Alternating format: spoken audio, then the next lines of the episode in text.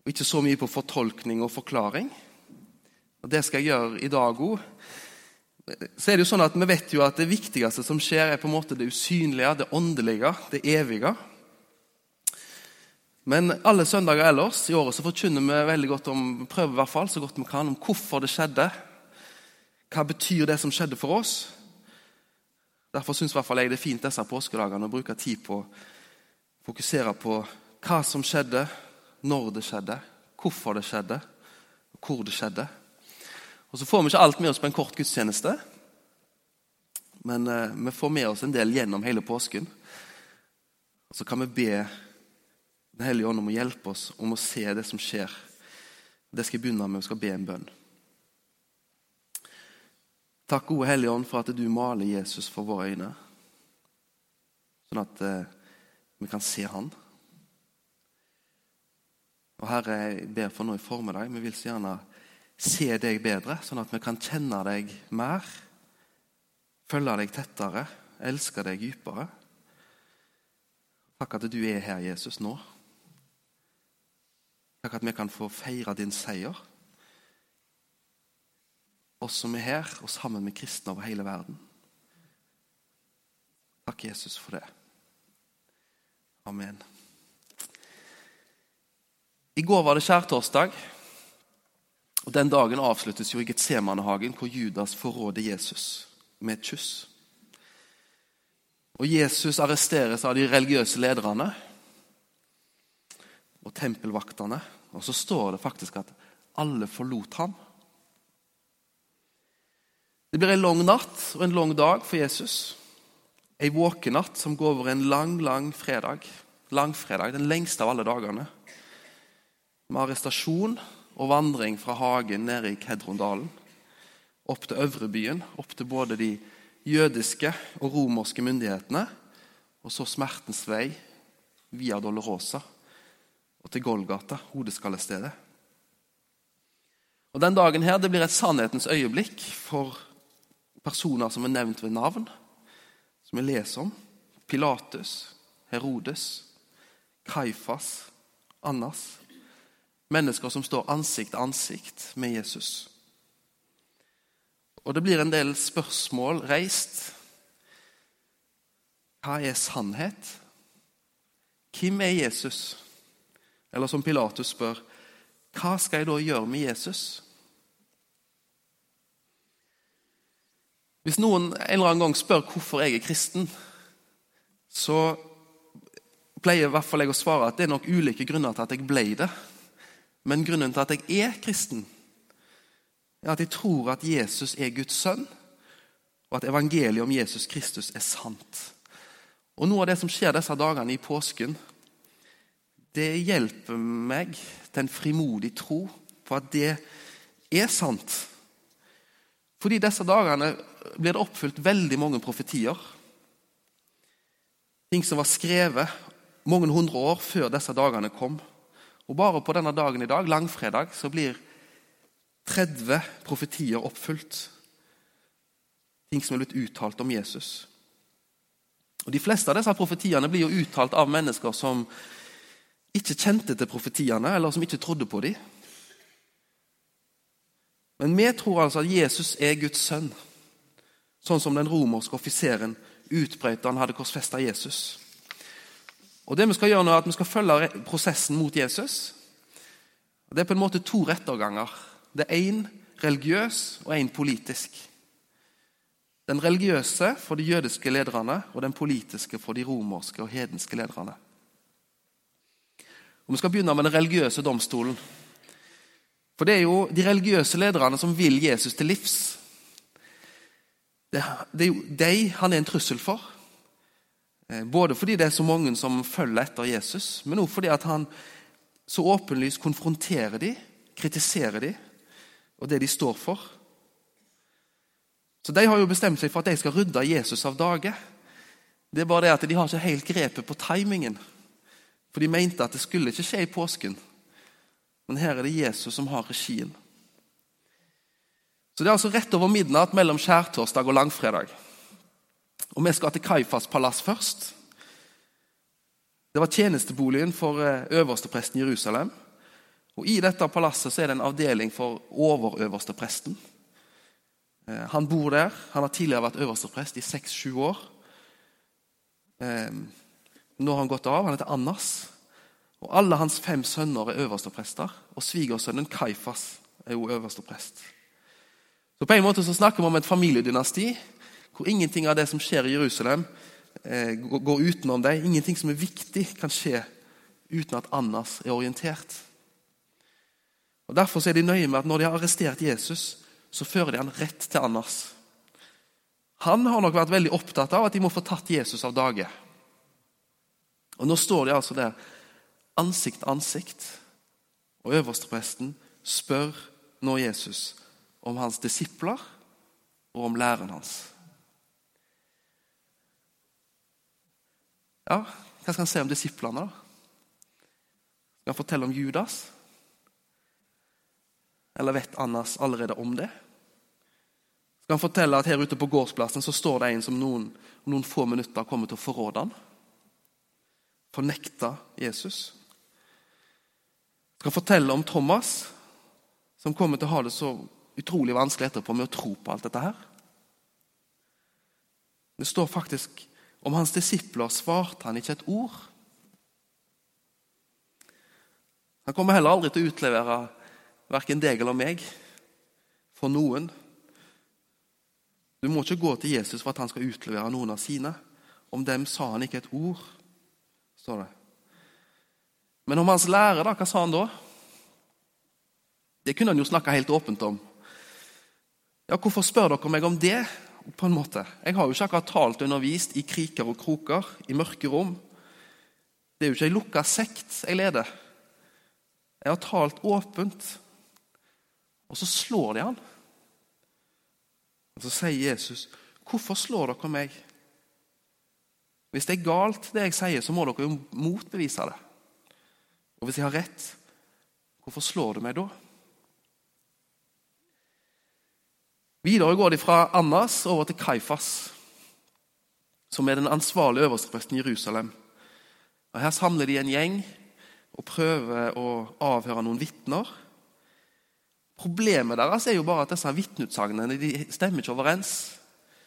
Anklagene holder ikke vann.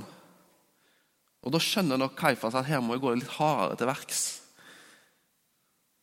Og De har et avgjørende spørsmål som det er viktig å få stilt Jesus og som kommer til å felle han hvis han svarer bekreftende på det. Så Han stiller seg rett foran Jesus og så sier han, 'Jesus fra Nasaret, ved den levende Gud byr jeg deg og sier oss, er du Messias, Guds sønn?'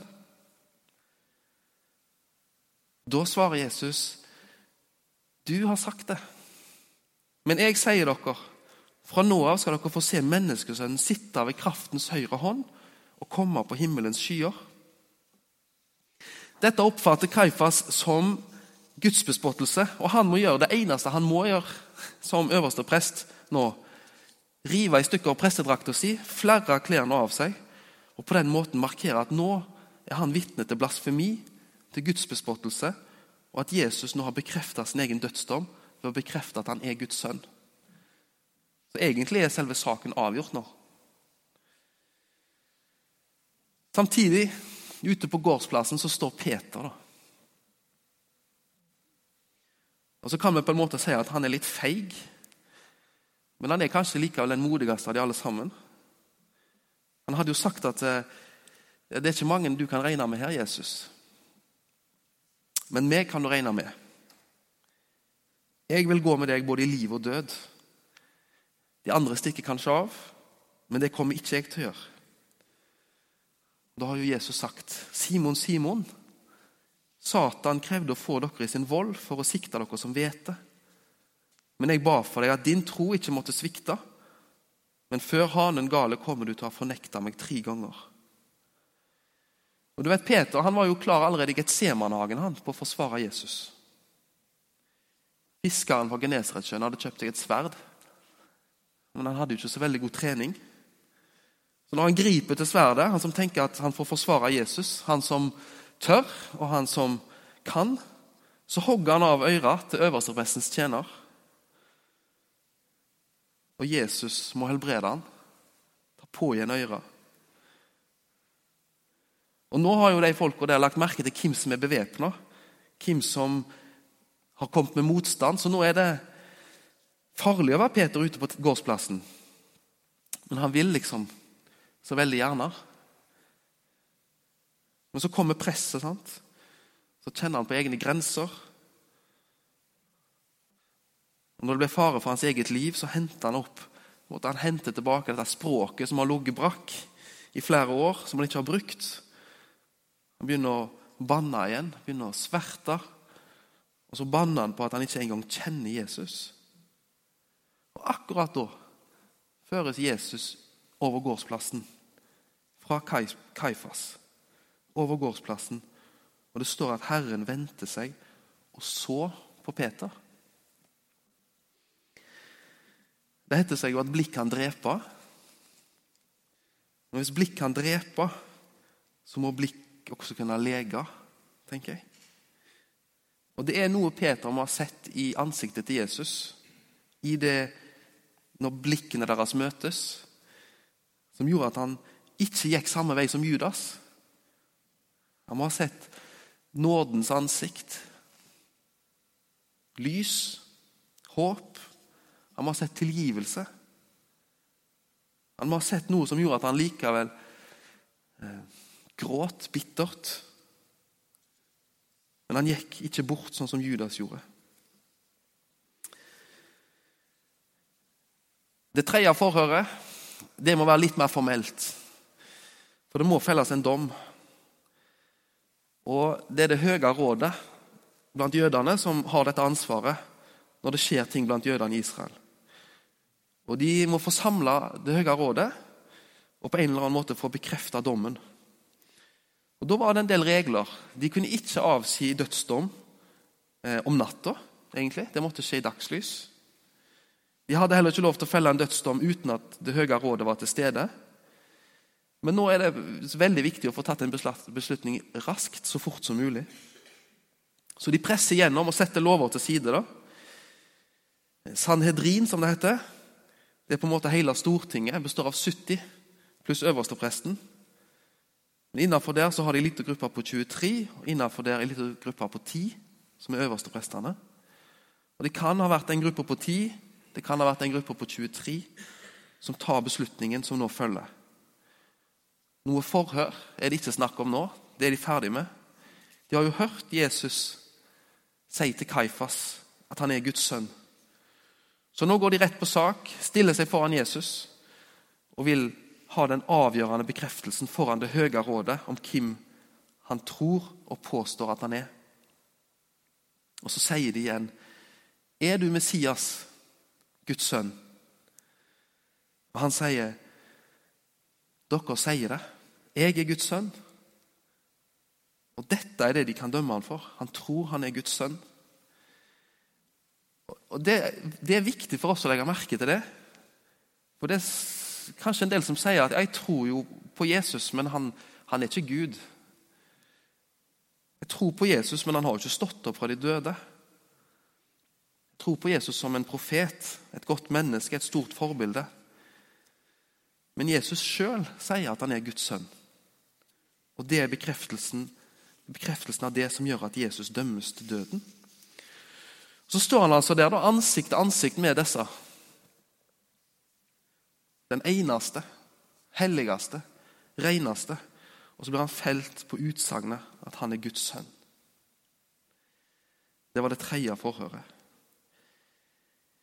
Videre så er det sånn at Jødene de har jo ikke lov til å felle en, en eh, dom.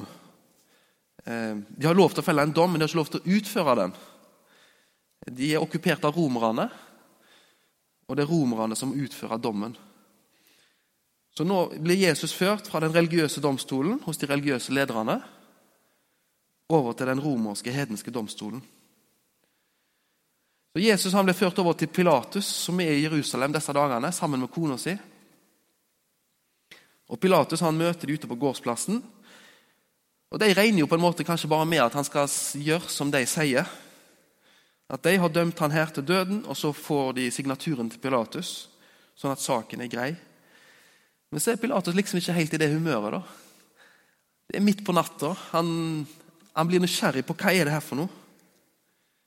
Hva er forklaringen? Og det er klart at som, Til en mann som Pilatus så nytter det på en måte ikke å komme med religiøse påstander. Det biter ikke på en mann som han. Så her får de ty til politiske påstander som kanskje kan gjøre et visst inntrykk. Så nå snakker de om oppvigleri. De sier f.eks. at denne mannen nekter folk å betale skatt til keiseren. Det er jo ikke sant. Han har jo sagt det stikk motsatte. Pilatus blir ikke imponert over dette heller. Jo, men han sier han er konge, og han er opprører. Han har gjort opprør helt fra Galilea og nedover Galilea. Da stopper han litt opp, Pilatus. Der så han kanskje en, en åpning, for Galilea det er jo ikke mitt område. Det er jo Herodes som har ansvar for det. Og Tilfeldigvis så er Herodes også i byen disse dagene for å passe på. Da kan jeg jo like så godt sende denne fangen til Herodes. Så gjør han det. Han prøver å plassere fangen over til Herodes. Det var det fjerde forhøret. Og Så har du Herodes, da. Herodes Antipas. Hvem er det? Han er sønn av Herodes den store. Det var han som hadde bestemt at alle guttebarn under to år i Israel og området rundt skulle drepes. Det var da mødrene i Rama skreik, og vi fikk begrepet ramaskrik. Det var faren til han her. Herodes Antipas. Hvem, hvem er det? Jo, altså, det var han også som på, hans, på sin egen kones ønske fikk døperen Johannes sitt hode levert på et fat under festligheter på Slottet. Og Nå står han ansikt til ansikt med Jesus. Og Så tenker han kanskje ja, ja, hva har jeg her? En religiøs hoffnarr, kanskje? Kanskje det er mulig å få se et under eller et mirakel? Kanskje han kan gjøre litt vann til vin? Eller mette noen sultne kropper med lite mat? Eller rense noen spedalske? Eller helbrede noen syke? Jesus er ikke innstilt på å levere de varene nå. Det står rett og slett om Jesus at han svarte han ikke med et ord. Jesus møter Rodes Antifas med taushet. Om det hadde vært et snev av sympati i starten, det vet jeg ikke, men nå ender det i hvert fall i antipati. Og De sørger for å gjøre han til religiøs narr. For de kler han opp med ei kappe, så hyller de han, og så tilber de han, og så sier de 'jaså, så du er konge, du'. Og han er jo det. Og En dag skal hvert kne bøye seg, og en dag skal hver tunge bekjenne at Jesus er Herre, til Gud Faders ære. Jeg vet ikke helt hva som skjer, men Herodes vil heller ikke felle en dom. Så Han tenker kanskje at ja, jeg sender han tilbake, jeg prøver å returnere han. Og Sånn holder vi ofte på. Vi prøver å sende Jesus på det her og der. Men så er det ikke så lett å bli kvitt Jesus. Og Nå kommer han altså tilbake til Pilatus. Og Det blir ei plagsom natt for Pontius Pilatus. Han må ut igjen med dommersetet sitt på gårdsplassen. Han har fått Jesus i retur. Og Det er ikke bare det at Jesus er tilbake igjen, men Pontius Pilatus i mellomtiden har han fått en lapp fra kona si. Og På denne lappen så står det at du må ikke ha noe med denne mannen å gjøre. Du må ikke dømme han, for han er uskyldig. Jeg har drømt, jeg har lidd mye i natt pga. denne mannen. Han har jammen en følelse sjøl òg, at kona har rett denne gangen òg.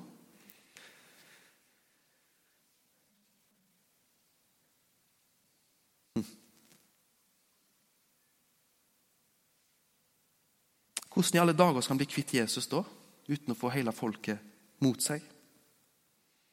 Og Nå begynner han med det her spillet, da. hvor han får denne smarte tanken at jeg vil appellere til rettferdighetssansen deres. Hvis jeg nå tar fram, sånn som vi gjør en gang i året med påsketider, gir amnesti til en jødisk forbryter Så Hvis jeg henter opp Barabbas, og så setter jeg Jesus her, så setter jeg Barabbas her så sier jeg at én av disse kan dere få fri. Da er det jo helt sikkert at de heller vil ha Jesus fri enn Barabbas. Barabbas er jo kjent som ikke bare en opprører politisk, men han var jo en morder. Og Han er jo en mann som virkelig har forakt. Og Han er jo sikker på at hvis de får velge mellom Jesus og Barabbas, så vil de velge Jesus. Men så begynner folk å rope. Barabbas. Barabbas. Gi oss Barabbas. Og Så sier vi vonde ting.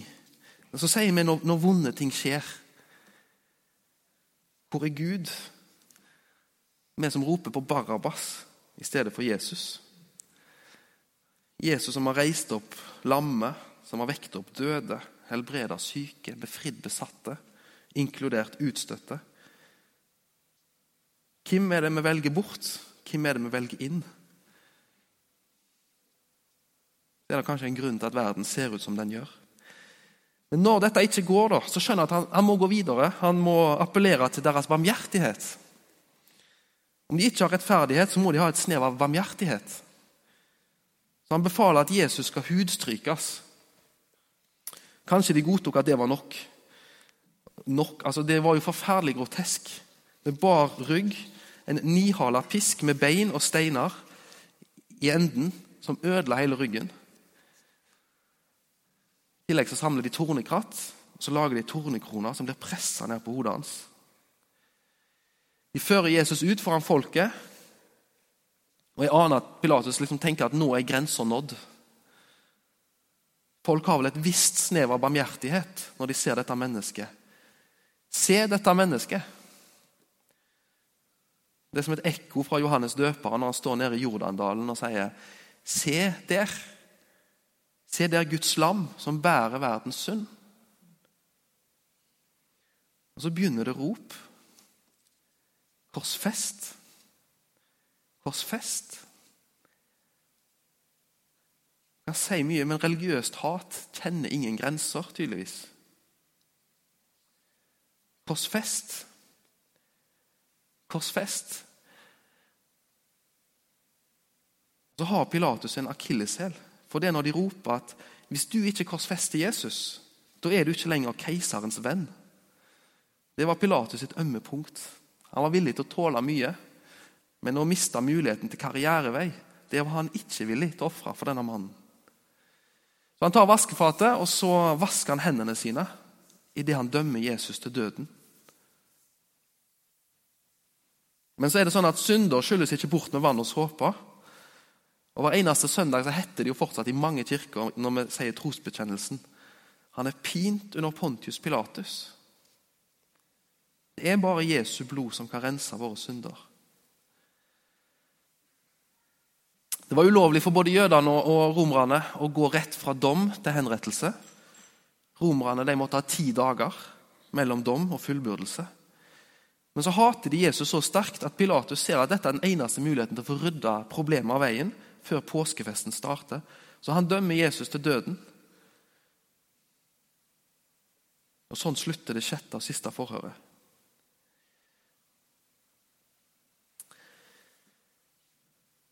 Pilatus har skrevet en plakat.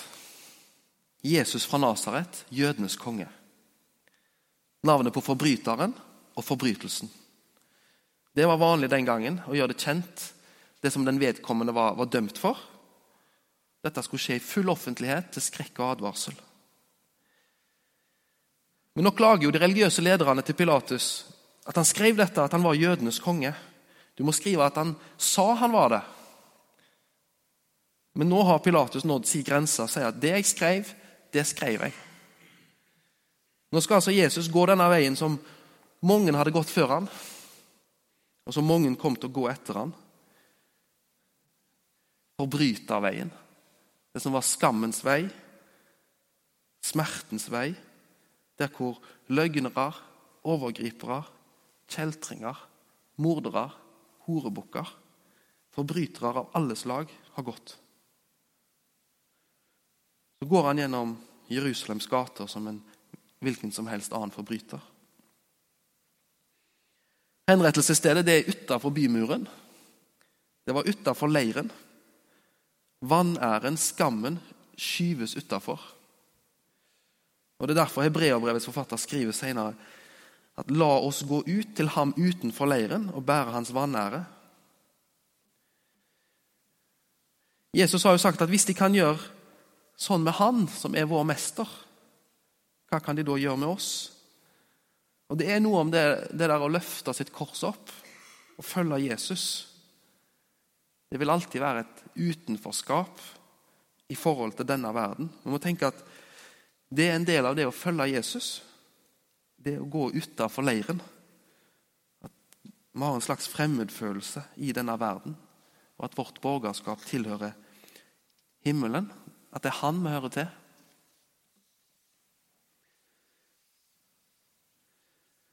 Så kommer vi fram til hodeskallestedet, der hvor de hadde henrettelsene. Og Det kan jo være at det ligner på en hodeskalle, eller det kan være at det ligger beinsplinter der.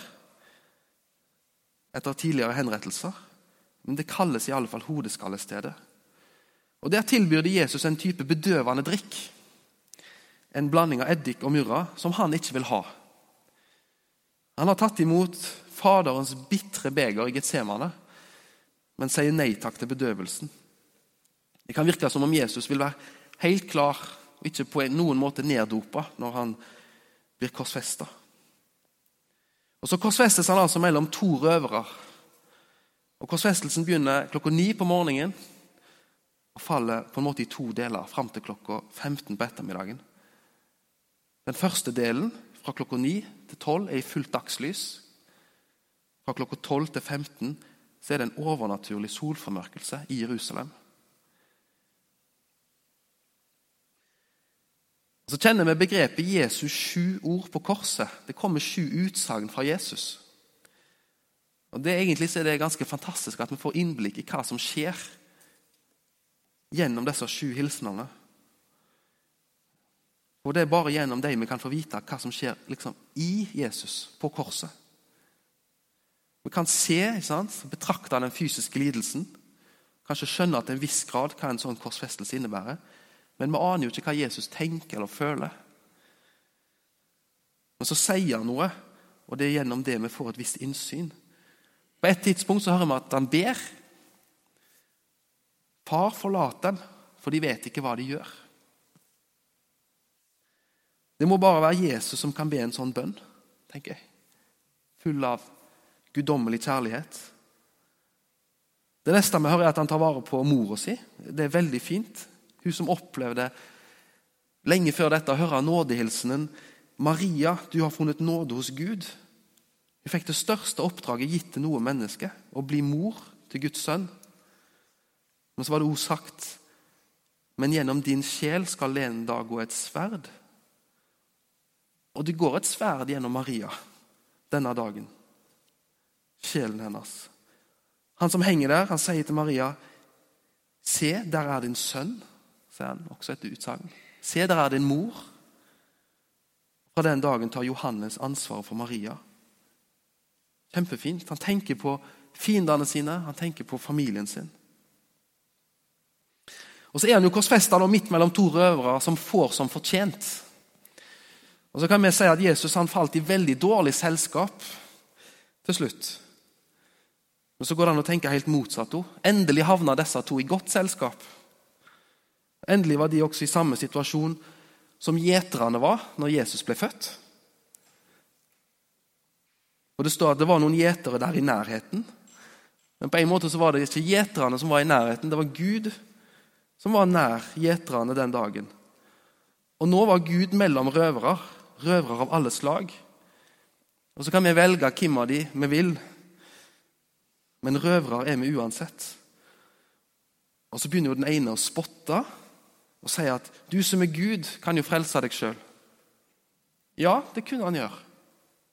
Han kunne stige ned av korset. Han kunne jo gjøre det. Men da hadde jo ikke vi blitt frelst. Gjennom det som skjer, så er det den ene røveren som som ber om nåde. Og så sier han, 'Tenk på meg når du kommer i ditt rike.' Så sier Jesus til ham, 'Sannelig, jeg sier deg, i dag skal du få være med meg til paradis.' Og for å si det sånn, Første gang du skal ha med noen hjem, så er det jo ikke likegyldig hvem du kommer med. Kanskje? Kanskje kunne han finne noen bedre å presentere for Faderen den dagen. Men så visste jo han at vi er ganske like alle sammen. Vi har bare litt forskjellig forkledning, litt forskjellig synderegister. Og Bak den ene røveren som kom til paradis den dagen, så har det kommet røvere i hopetall etterpå. Fordi han som hang på det midterste korset, ikke steg ned, men gikk hele veien for å frelse oss. Og Markus han skriver i sitt evangelium at fra den sjette til den niende timen kom det et mørke over hele landet. Det var fullmåne under påsken i Jerusalem. Og Ingen solformørkelse kan skje når det er fullmåne. fullmåne. Og en, for å si det sånn, en, solformørkelse som er naturlig, varer i åtte minutter. Maks. Denne langfredagen i Jerusalem er det en overnaturlig solformørkelse som varer i tre timer. Jesus er menneskenes lys. Da han ble født, var det midt på natta. Da ble det lyst som det var midt på dagen. Da han dør, er det midt på dagen, og det blir mørkt som svarte natta. Det er som om hele universet, hele skaperverket, legges i mørket når Guds sønn går inn i døden. Og så må de fysiske plagene ha vært forferdelig grusomme. Det var den verste måten å bli henrettet på. Selv romerne droppa denne måten å henrette folk på i år 315. Likevel er den der ytre, den fysiske, den menneskelige plagen liten i forhold til det indre som skjer. Jesus på korset, hvor alle dødskreftene, alle demonene, all ondskapen, alt som går mot Jesus, er mot han. Der hvor han henger og roper. Min Gud, min Gud, 'Hvorfor har du forlatt meg?'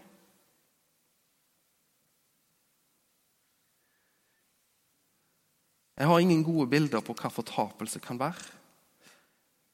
Men hvis fortapelse er at Gud er taus og har snudd ryggen til, så tenker jeg at det er fortapelse å være borte fra Gud. Jesaja skriver Forakta var han, forlatt av mennesker. En smertens mann, vel kjent med sykdom.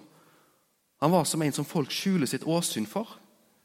Forakta, og vi akta han for intet. Sannelig, våre sykdommer tok han på seg, og våre smerter bar han. Vi trodde han var blitt ramma, slått av Gud og plaga. Og så skjer det noe rart. Det at Jesus uttrykker noe som kan se ut som at han tørster. Og De fanger ikke helt opp hva han sier, de som står rundt. Noen sier at han roper på Elias og ikke gjør noe nå, for nå skal vi vente og se hva som skjer. Men så hører de at han sier at han tørster, og så gir de han noe som han kan fukte leppene med. Og Så aner vi kanskje at det Jesus nå vil, det er noe å fukte leppene med, sånn at alle kan høre veldig tydelig det han nå skal si. De hørte ikke veldig klart si at han tørster, men det han nå sier, det må verden høre. Det er fullbrakt. Han ropte det så høyt at alle mennesker som var der, skulle høre det. Det er ferdig. Det er betalt. Det er gitt, det som skal gis. Det er gjort, det som skal bli gjort. Offeret er fullbyrda. Det er fullbrakt. Det samme som Moses sa den gang tabernakelet var fullført. Det samme som prestene sa på den store soningsdagen en dag i året, når de hadde vært inne i det aller helligste og ofra for folkets synder. Så kom de ut igjen så sa de, det er fullbrakt. Det er gitt, det er gjort, det er betalt. Og Det som da skjer, er at forhenget i tempelet revner. Og Det revner fra øverst til nederst. Og Det var 18 meter høyt. Det var 9 meter bredt. Det var så tjukt som en knyttneve. Vi snakker om en vegg. Og I forhenget var det brodert inn to kiruber innvevd i forhenget to kiruber. Og Disse to kirubene skulle minne folk om de to kirubene som ble satt for å vokte Edens hage etter fallet, så menneskene ikke skulle komme inn i Eden, i paradis, der hvor Gud er, i det aller helligste. Det var liksom hit, men ikke lenger, hadde de sagt til alle tider. Men denne dagen så revner forhenget fra øverst til nederst. Og Det er som om Gud sjøl river dette opp og skyver kirubene til side for å fortelle at nå er det adgang for syndere av alle slag. Nå er det ikke her og ikke lenger. Nei, nå har han bana en ny og levende vei helt inn i helligdommen. Veien til Gud er åpen for alle mennesker. Og så er det sånn, Vi leser at noen graver åpner seg. Klippene sprekker. Det er akkurat som kloden rister.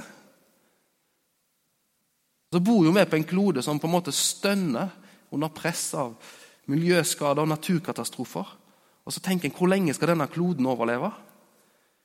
Men da er det ikke sånn at denne kloden bare skal bli borte. Altså Bibelen har sagt at det er ikke slutt der framme. Det skal komme en ny himmel og en ny jord. Og Det er nesten som om Jesus nå legger ned grunnsteinen for den nye kloden, sånn at klippene slår sprekker. For det kommer en ny himmel, det kommer en ny jord. Det var ikke et nederlag når Jesus ropte at det var fullbrakt. Det var det største seiersropet som verden har hørt. Og Denne dagen brøyt han dødens lenker. Mørkets makt er brutt. Den dagen seira livet over døden og lyset over mørket. Jesus er seierherre. Det er fullbrakt. Og Da ånda han ut og sa, Far, i dine hender overgir jeg deg min ånd.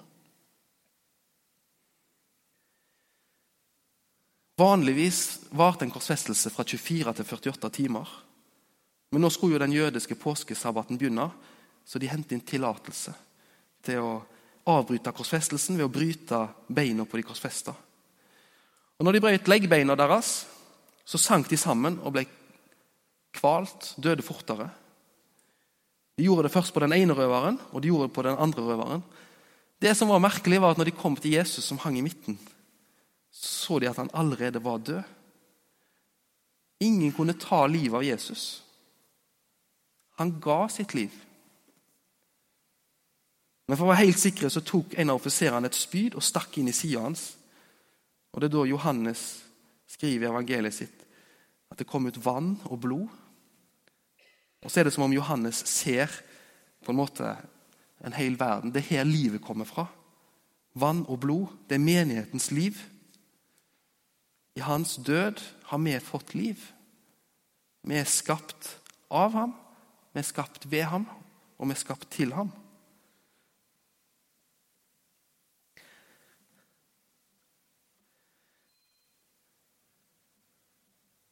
Og så er det på en måte sånn nå når jeg går mot avslutning at jeg nesten får lyst til å lyse velsignelsen. Det skal jeg gjøre helt til slutt i gudstjenesten. Men når vi lyser velsignelsen på en dag som det her, så er ikke det bare ord som blir sagt. Men i lys av alt dette så får jeg lyst til å si Herren velsigne deg. Ta imot frelsen. Ta imot helbredelsen. Ta imot gjenopprettelsen. Ta imot tilgivelsen. Alt det som ligger i det som heter velsignelsen. Og Det er det vi sier, og det er det vi må ta imot i dag. Herren velsigne deg og bevare deg, sier vi. Herren lar sitt ansikt lyse over deg og være deg nådig. Herren lar sitt ansikt løfte sitt ansikt mot deg og gi deg fred.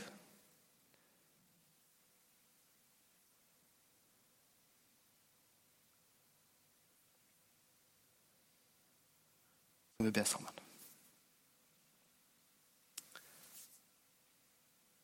Himmelske Far, takk for det store, ufattelige offeret som Jesus ga for oss på korset. Takk, Jesus, at du ga ditt liv sånn at vi får leve. Herre, hjelp oss på en sånn dag som i dag å ta inn over oss alt det som skjedde. La oss få se litt av det. Hvem du er, Jesus. Hva du gjorde, hva du gjør i dag. Takk at du velsigner oss med alt som du oppnådde på korset, Herre Jesus. Velsign alle oss som er her inne, Herre. Takk for frelsen, takk for livet i deg. Amen.